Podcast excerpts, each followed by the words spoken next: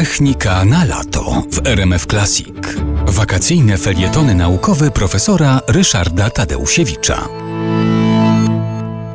Statua Wolności jest czymś tak bardzo amerykańskim, że aż nie do wiary jest, że jest to twór francuski. Mianowicie rząd francuski, a dokładniej mówiąc no, naród francuski, postanowił narodowi amerykańskiemu y, podarować tą y, tą rzeźbę, ten, ten, ten olbrzymi e, posąg e, w 110. rocznicę uchwalenia Deklaracji Niepodległości. Była specjalna e, uchwała parlamentu francuskiego i postanowiono, że stanie na wyspie, która się nazywa Liberty Island, na wejściu do Nowego Jorku, do portu w Nowym Jorku, powstanie taki olbrzymi, olbrzymi posąg. Posąg jest rzeczywiście wielki, wraz z sokołem ma 93 metry wysokości i waży 229 ton.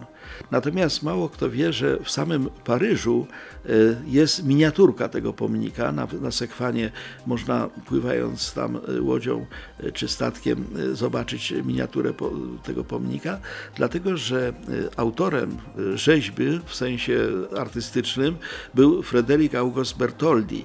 Wymyślił tą statuę wolności, wymyślił, że będzie trzymała pochodnie i e, tą księgę, na której wypisana jest data właśnie tej deklaracji niepodległości. Natomiast zabawna rzecz jest taka, że August Bertoldi projektując tą rzeźbę nadał tej wspaniałej kobiecej postaci twarz swojej matki, ale ciało swojej kochanki, co było przedmiotem rozmaitego rodzaju żartów i plotek. Pomnik został przekazany ambasadorowi USA w Paryżu w 1880 1984 roku, natomiast potem został zdemontowany i przewieziony do Nowego Jorku, gdzie odsłonięto go 28 października 1886 roku. I ciekawostka, mianowicie ten pomnik zbudował y, Gustav Eiffel. Y, wspominałem o wieży Eiffla, którą nie Eiffel zbudował, natomiast mało kto wie, że tą statuę wolności zbudował Gustav Eiffel w sensie inżynierskim.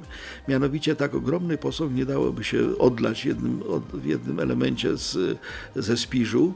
Wobec tego Eiffel czy Eiffel zbudował rusztowanie z konstrukcji stalowych, stoi do dzisiaj i jest w bardzo dobrym stanie.